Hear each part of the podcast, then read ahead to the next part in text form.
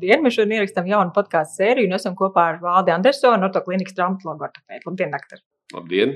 Es domāju, ka liela sabiedrības daļa ar tādu milzīgu atvieglojumu ir secinājusi, ka nu jau vairāk kā nedēļa ir viena tāda dzīva, tāda priecīga, cilvēks vienojoša tēma, un tas ir hokejs.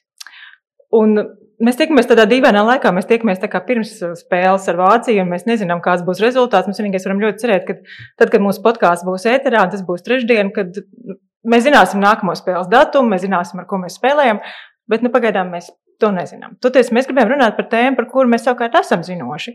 Nu, mēs gribam atcelt nedaudz tādu priekšskaru par to, kas tad ir tajā hokeistu medicīnā.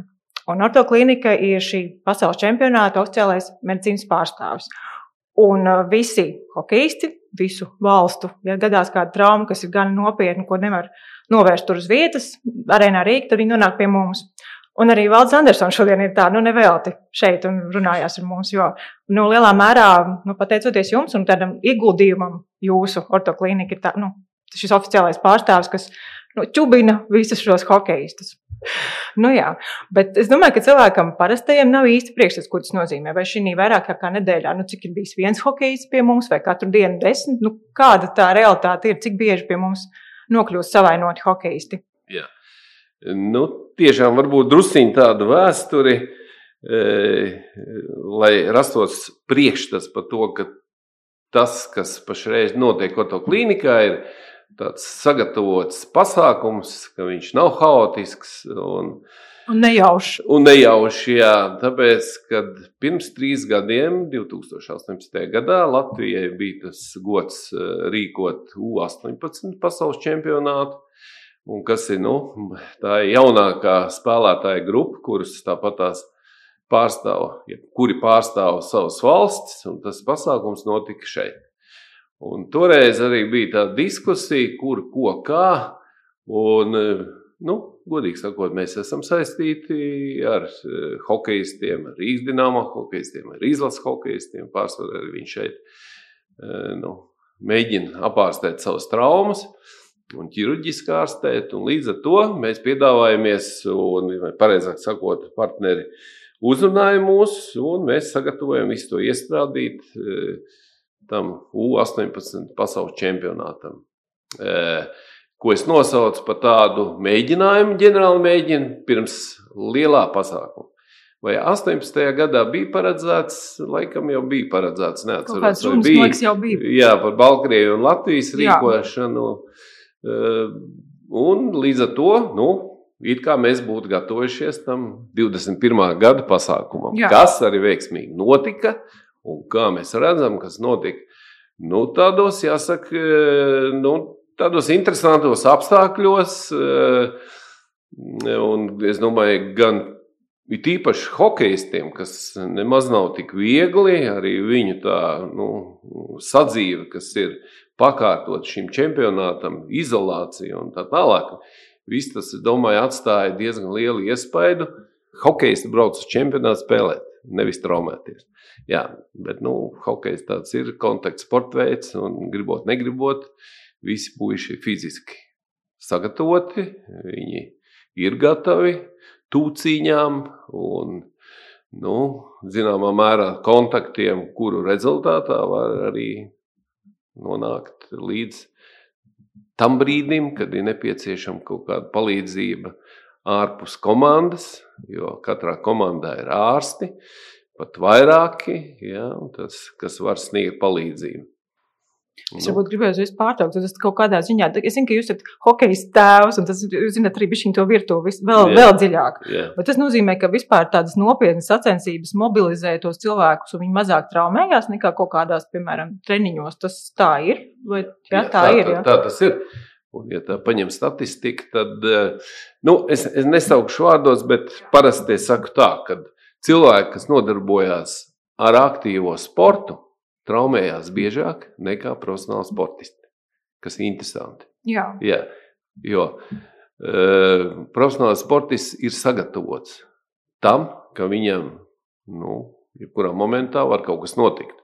Un tad, tad e, viens uzstādījums ir pat treneri tādi, saka, ja sportists satrenē, kas e, satraumējās, kas nu, būtībā ir traģēdija sportistam un tā tālāk, treneris uzskata, ka sportists nebija gatavs. Ka viņš tam. kaut ko nav sagatavojis. Jā, kaut ko viņš nav sagatavojis tam, tāpēc arī tā gatavošanās ļoti svarīga ir. Nu, Nu, tad, kā mums šobrīd ar tām traumām izskatās? Tas nozīmē, ka šeit neviens nav bijis visā šajā laikā, vai tā gluži nevar būt. Apmeklējums ir ļoti labs. Man pat liekas, ka tās runas, cik ir kvalitatīva un labi organizēta medicīniskā sadaļa čempionātā, kas saistīta ar ortoklīniku un vispār, ir ļoti laba. Tad ir cilvēki novērtējuši. Un arī, nu, godīgi sakot, Torto klīnika pašreiz drusciņi ir pārveidota par tiešām īstu čempionāta partneri, kas sniedz kvalitatīvu, labi organizētu medicīnas palīdzību. Tanī pašā laikā mūsu resursi atļāva, nu, godīgi sakot, neko pārāk sevišķi nesamazināt arī par to cilvēku plūsmu, kas parasti apmeklē ortoklīniku. To mēs arī esam nodrošinājuši. Par mazliet par tām traumām. Kas, varbūt vispār, kas ir tādas klasiskās hokeja traumas, un pēc tam par to, ar ko tad viņi nokļuvuši šeit, tie hokeisti. Klasiskā hokeja trauma skaitās uh, sejas žokļa trauma, galvas trauma. Tā ir it kā visbiežākā. Un tāpēc arī skatoties televīzijā, bieži var redzēt zēnus ar retiem zobiem, pēc smuku, sviršķīgu smaidu. Ja. Nu, te mēs redzam to īstenību. Un tās visas traumas, viņas it kā savācoties kopā, saskaitot, ka tās ir vairāk. Ja ņem šo čempionātu un paskaitām tās traumas, kas ir bijušas, tad galvas traumas ir bijušas samērā maz, kas ir labi. Jā. Kas ir labi. Tāpēc, ka pēdējā laikā arī tiesneši pievērš ļoti lielu uzmanību, un par to tiek bargi sodīti spēlētāji, kas uzdrošinās pretinieku, nu, negatavi sagaidīt un sitiens pa galvu un galvas apvidū.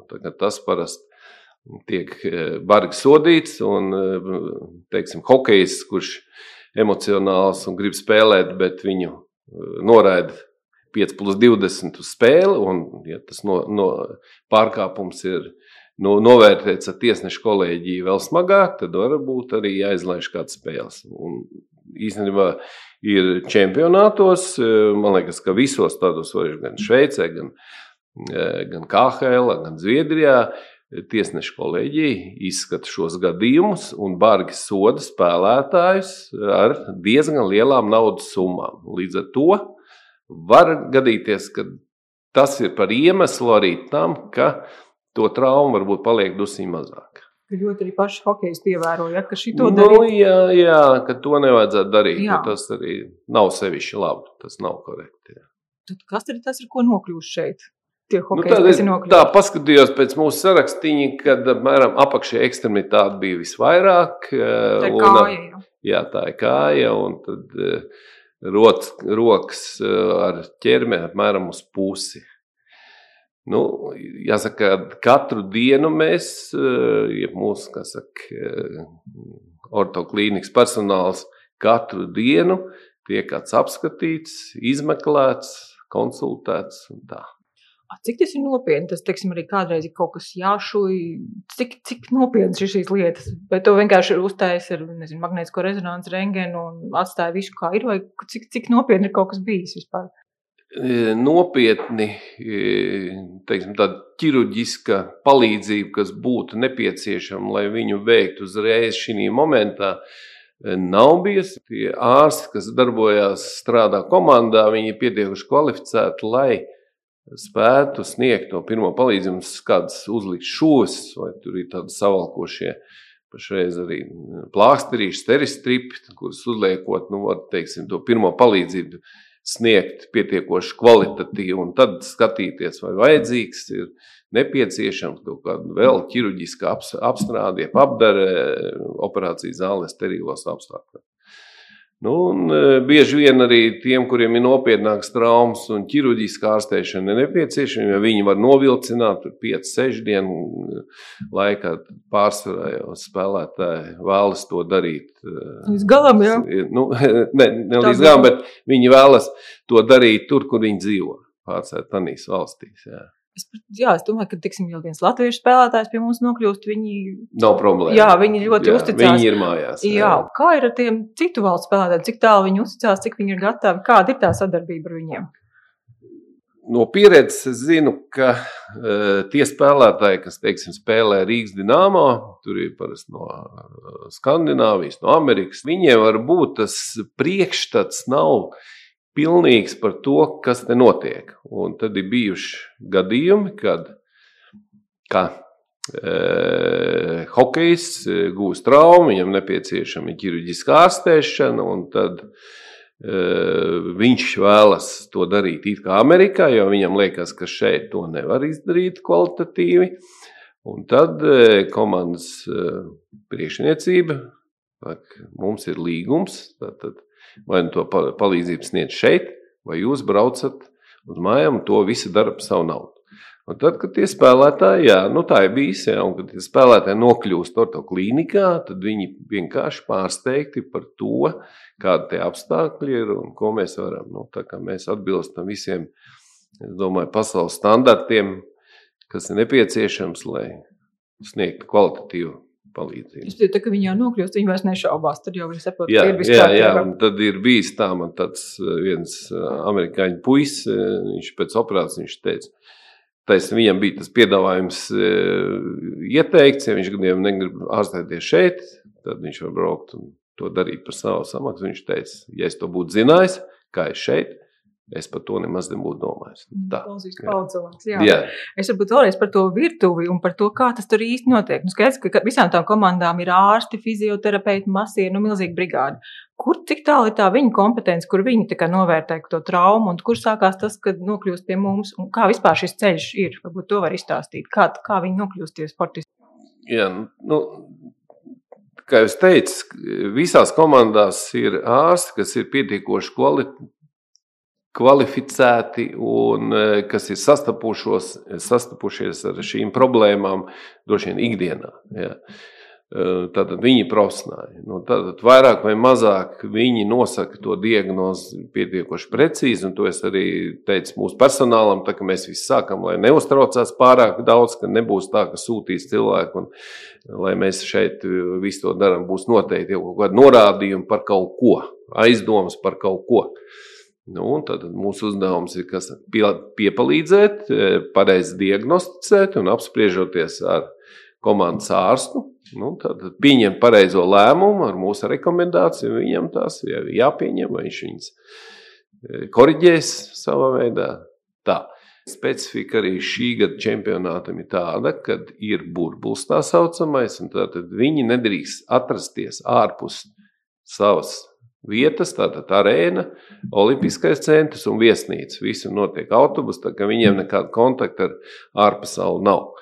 Bet mēs esam izkārtojuši eh, ortoklīnikas um, eh, iespējas tā, ka viņi visi ierodas tieši no atsevišķa ieeja, atsevišķi mūsu personāls visi ir potēti, tātad zināmā mērā pasargāti. Līdz ar to bija speciāli cilvēki, atbraukuši, izvērtējuši to pasākumu, kādu te bija norganizējuši mūsu kolektīvs un pieņēmuši par gana labu. Lai uzskatītu, ka ārpus burbuļa viņi nav atradušies. Tā, tā ir burbulis, jā, jā, mēs arī esam burbulis. vienā spānā daļa no burbuļa. Šodien es satiku savu kolēģi Jāri Aivaru, kas ir atbildīgais, un uh, viņš skaitās IHF, ja, Startautiskās Latvijas Hokeja federācijas uh, persona, kas ir atbildīga par medicīnisko sadaļu čempionāta laikā. Tad viņš nav Latvijas pārstāvs, viņš ir tieši federācijas pārstāvs, un pie viņa nāk visu gandrīz uh, komandu pārstāvji un nu, attiecīgi novērtē e, medicīnisko palīdzību. Es domāju, nu, visādā apjomā tā nav tikai ortoklīnika, bet arī ortoklīnikas pakalpojums, kas sniedzams, tas ir tiek augsts novērtēts. Viņi teica, ka nevienā čempionātā tā nesot bijis. Es neprasīju vienu svarīgu lietu, vai ir kaut kāda, var redzēt kaut kāda statistika, no kurām valstīm, komandām ir vairāk to cilvēku bijis? Man ir tāda statistika, var, es visu Tā, nu es varu spriest pēc tam traumām. Ir valstis, kurās varbūt tā fiziskā sagatavotība nav tik laba bijusi. Jā. Tas traumas to liecina. Jā, nu, jā tas, tas, tas traumas to liecina. Jā. Jā. Ja mēs vēlreiz par tām valstīm, tad kuras nav labāk sagatavotas, kuras nav pietiekami sagatavotas, vai nu, tā laikam nevar teikt, bet kuras mēs biežāk esam redzējuši? Tas paliks maz noslēpts. Jā, tomēr.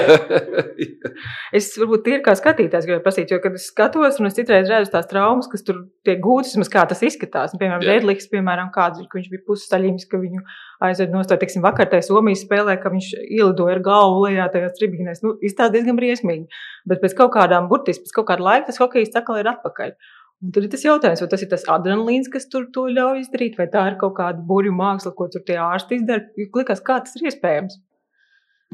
Nu, es domāju, daudz kas ir atkarīgs no spēlētāja.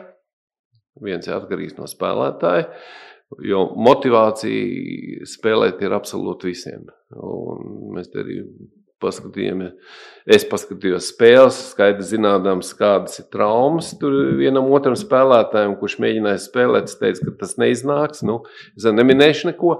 Bet gribēšana ir, bet teiksim, tā varēšana nav. Attiecībā ir trauma jau apakšā, ar kuru viņš tur jā, kur viņš tā kā, jā, bet traumēs hokejs, nu, reti, kad var būt labāks par to, kas ir aiz viņa un kas nespēlē. Nu, tad, bet tā atkal ir gan trenere, gan ārsta kompetence, kas ir komandā. Attiecībā par šīm nu, tādām epizodēm, es domāju, ka tas pirmais šoka moments, kas notiek eh, pašā spēlētājā, jo bez sāpēm tas nenotiek, bet tiek izvērtēts, vai teiksim, tiešām tur ir kaut kāda nu, smadzenes attīstīšanās, varbūt eh, neliela simptomātika. Un pats, eh, nu, kādā gadījumā neviens tāds spēlētājs neņem un negrūž atpakaļ uz laukumu. To novērtē ārsts, kas tur uz vietas, izstāsta trenerim, vai viņš var. Spēlētājs bieži vien droši vien teiks, es varu, es varu, bet nu, no tā, ka viņš var, tas nenozīmē, ka viņš tiks laukumā. Nu, tā var būt izskaidrojama.